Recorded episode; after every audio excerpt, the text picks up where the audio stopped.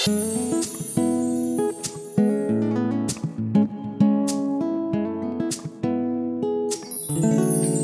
guys, apa kabar? Gue selalu berharap kalian baik-baik saja ya. Tapi kalaupun tidak, jangan khawatir. Namanya juga manusia. Kalau tidak pernah sedih, tidak pernah belajar. Burung sebelum terbang juga berayun turun dulu. Kita manusia juga mungkin perlu nyusruk dulu baru bisa bangkit lagi. Jadi sedih yang kamu rasakan sekarang itu sangat normal dan hanya sementara sifatnya selama kamu mau menolong dirimu sendiri. Dan kali ini, podcast Disisati bareng gue Isel akan ngomongin tentang periode tanpa kontak pasca putus. Periode tanpa kontak pasca putus atau yang biasa dikenal dengan no contact rules. Aturan apa lagi ini?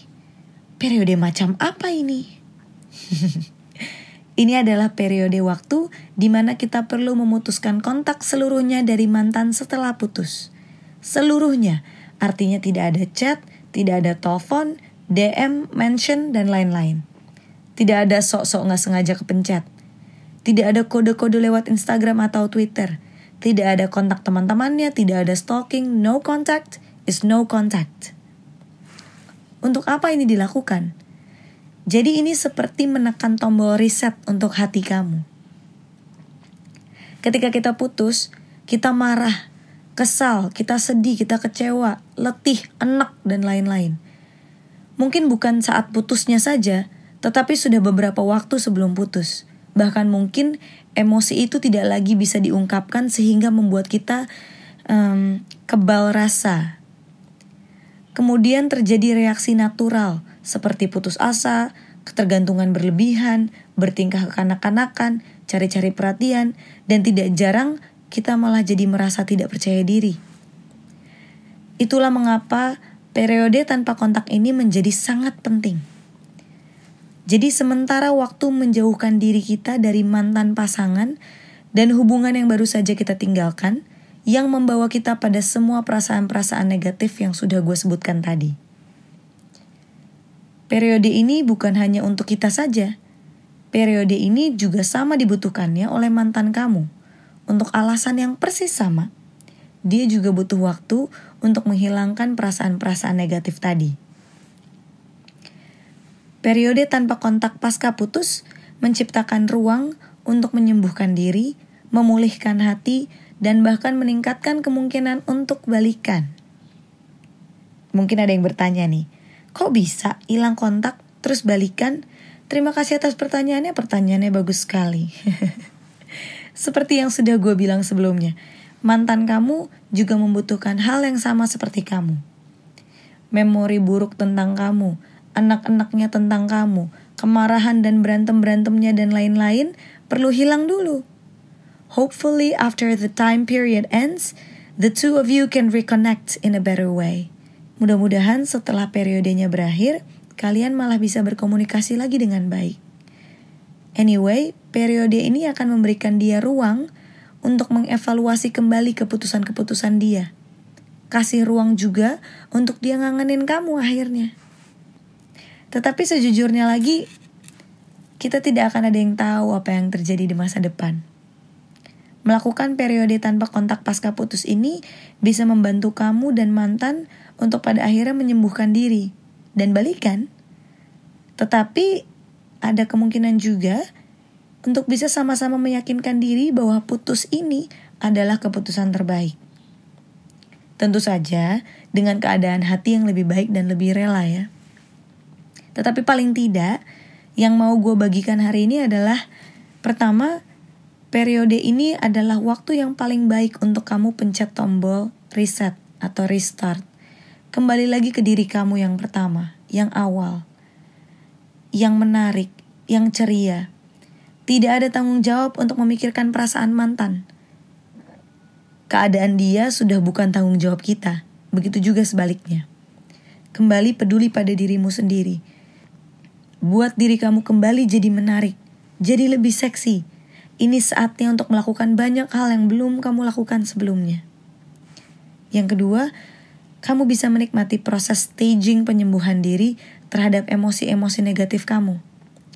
Yang paling umum terjadi ketika ada penolakan, komentar negatif, kegagalan adalah denials. Kita menolak percaya hal itu benar-benar terjadi. Mungkin dengan bertanya, how possible? Bagaimana mungkin? Seakan-akan gak mungkin ada macam gini nih. Misalnya, kok dia bisa ya kak tega banget ninggalin aku? Ya, jawabannya karena bisa. Kemudian setelah denials itu hilang, kita beranjak ke understanding and acceptance, mengerti dan menerima. Kita sama-sama membantu untuk mengerti dan akhirnya menerima apa yang terjadi. Kemudian setelah itu, kita bisa berpikir jernih dan kita akhirnya move on. Gitu ya. Ini proses penyembuhan diri ini kita bisa nikmati selama periode ini. Yang ketiga, periode ini juga bisa membantu kamu dalam mendapatkan perspektif baru. Jika membantu, kamu bisa buat list pertanyaan yang kira-kira bunyinya seperti ini. Apa yang sebenarnya saya mau dalam hidup? Apakah hubungan saya yang kemarin sudah cukup membuat saya bahagia? Apa yang saya sukai dan apa yang tidak saya sukai dari mantan saya? Sekarang saya punya lebih banyak waktu. Apa yang ingin saya lakukan sekarang? Adakah bagian dari diri saya yang sekarang hilang dan ingin saya kembalikan? Dan lain-lain. Banyak pertanyaan yang bisa kamu buat. Mungkin akhirnya bisa membantu kamu untuk membuat kesimpulan. Bagaimana akhirnya putus ini berdampak pada kamu? Apakah ini yang terbaik atau tidak? Yang keempat, yang paling jelas, periode ini bisa membantu mencegah kamu melakukan hal-hal bodoh semacam menjilat ludah sendiri atau termakan komporan teman. Jilat ludah sendiri tuh misalnya udah bikin closing statement atau pertanyaan penutup yang keren pas putus kemarin, gue bisa hidup tanpa lo. Tiba-tiba dua hari kemudian, aku kangen banget, aku gak bisa makan, aku gak bisa tidur. Ya, malu deh. atau kalau termakan komporan temen tuh pas temen lo bilang, sebenarnya kemarin tuh kalian lucu banget loh sayangnya harus berakhir terus lo tiba-tiba greget dan jadi telepon-telepon dia tapi nggak diangkat ya malu deh.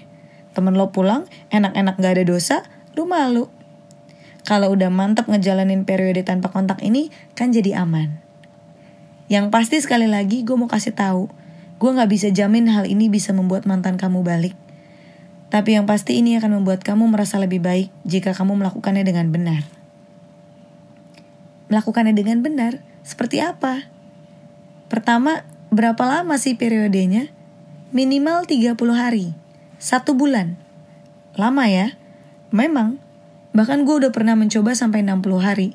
Dan semakin lama gue melakukannya, ternyata gue semakin terbiasa untuk sendiri. Gue paling gak bisa mikir lagi, bisa produktif lagi. Dan apakah gue pernah mengalami mantan gue kontak lagi? Atau kita akhirnya komunikasi lagi? Pernah. Dan komunikasi itu terjalin lebih baik. Akhirnya bisa ngobrol dengan enak, akhirnya kita bisa berdiskusi dengan lebih sehat. Hmm, dan pada akhirnya kita memutuskan untuk tidak bersama sih, tapi um, periode ini membuat gue akhirnya lebih tenang. Teorinya, cara melakukannya gampang. Putusin kontak sama sekali. Gampang ya? Putusin kontak sama sekali. Ngucapinnya sih gampang, lakuinnya hmm kalau susah, jaga jempol sama jaga diri, blok semua kontak termaksud media sosialnya. Tidak apa-apa, setelah putus, kamu bukan tanggung jawab dia lagi, dan dia juga bukan tanggung jawab kamu. Untuk ngejalanin periode ini, tidak usah peduli apakah nanti kamu dianggap kekanak-kanakan dengan hapus kontak. Tujuannya sudah jelas, kamu mau sembuh hatinya. Nanti setelah periodenya berakhir, kita bisa jalin komunikasi lebih baik. Tapi ingat ya, ini perlu dicatat Aturan periode tanpa kontak ini bukan cara untuk manas-manasin mantan, bikin dia jealous, balas dendam, cari perhatian, dan lain-lain. Ini bukan silent treatment. Kalau tujuan kamu itu udah pasti periode tanpa kontak ini gagal. Terus bagaimana jika di tengah-tengah nggak tahan dan jadi ngobrol? Bisa dilanjutin nggak? Gimana kalau tiba-tiba setelah seminggu dia kontak terus lo nggak sengaja bales atau gatel untuk bales. Nggak bisa. Kalau itu terjadi, kamu harus mulai dari nol. Macam diet gagal aja, ulang lagi dari awal. Jadi gimana? Siap terima tantangan gak? Tenang saja, kamu tidak sendirian. Beberapa senjata yang perlu kamu persiapkan agar tidak mudah menyerah dari periode ini adalah para sahabat, serial drama Korea, Netflix, Indomie, gym, dan lain-lain. Segala sesuatu yang bisa bikin kamu tetap tersenyum. Khusus untuk kamu yang ternyata dalam hati tetap teriak, aku mau balikan. Ya udah, next kita bahas apa yang harus dilakukan untuk mendapatkan mantan kita kembali setelah periode tanpa kontak ini selesai. Tapi diselesain dulu periodenya, oke? Okay? untuk cemilan cerita dan diskusi cinta harian kamu, jangan lupa untuk follow Instagramnya This is Sati. Jangan lupa setiap Jumat Sabtu ada artikel cinta baru juga di thisissati.com. Semoga hati kamu cepat sembuh. Sampai kita jumpa di episode podcast selanjutnya. Bye guys.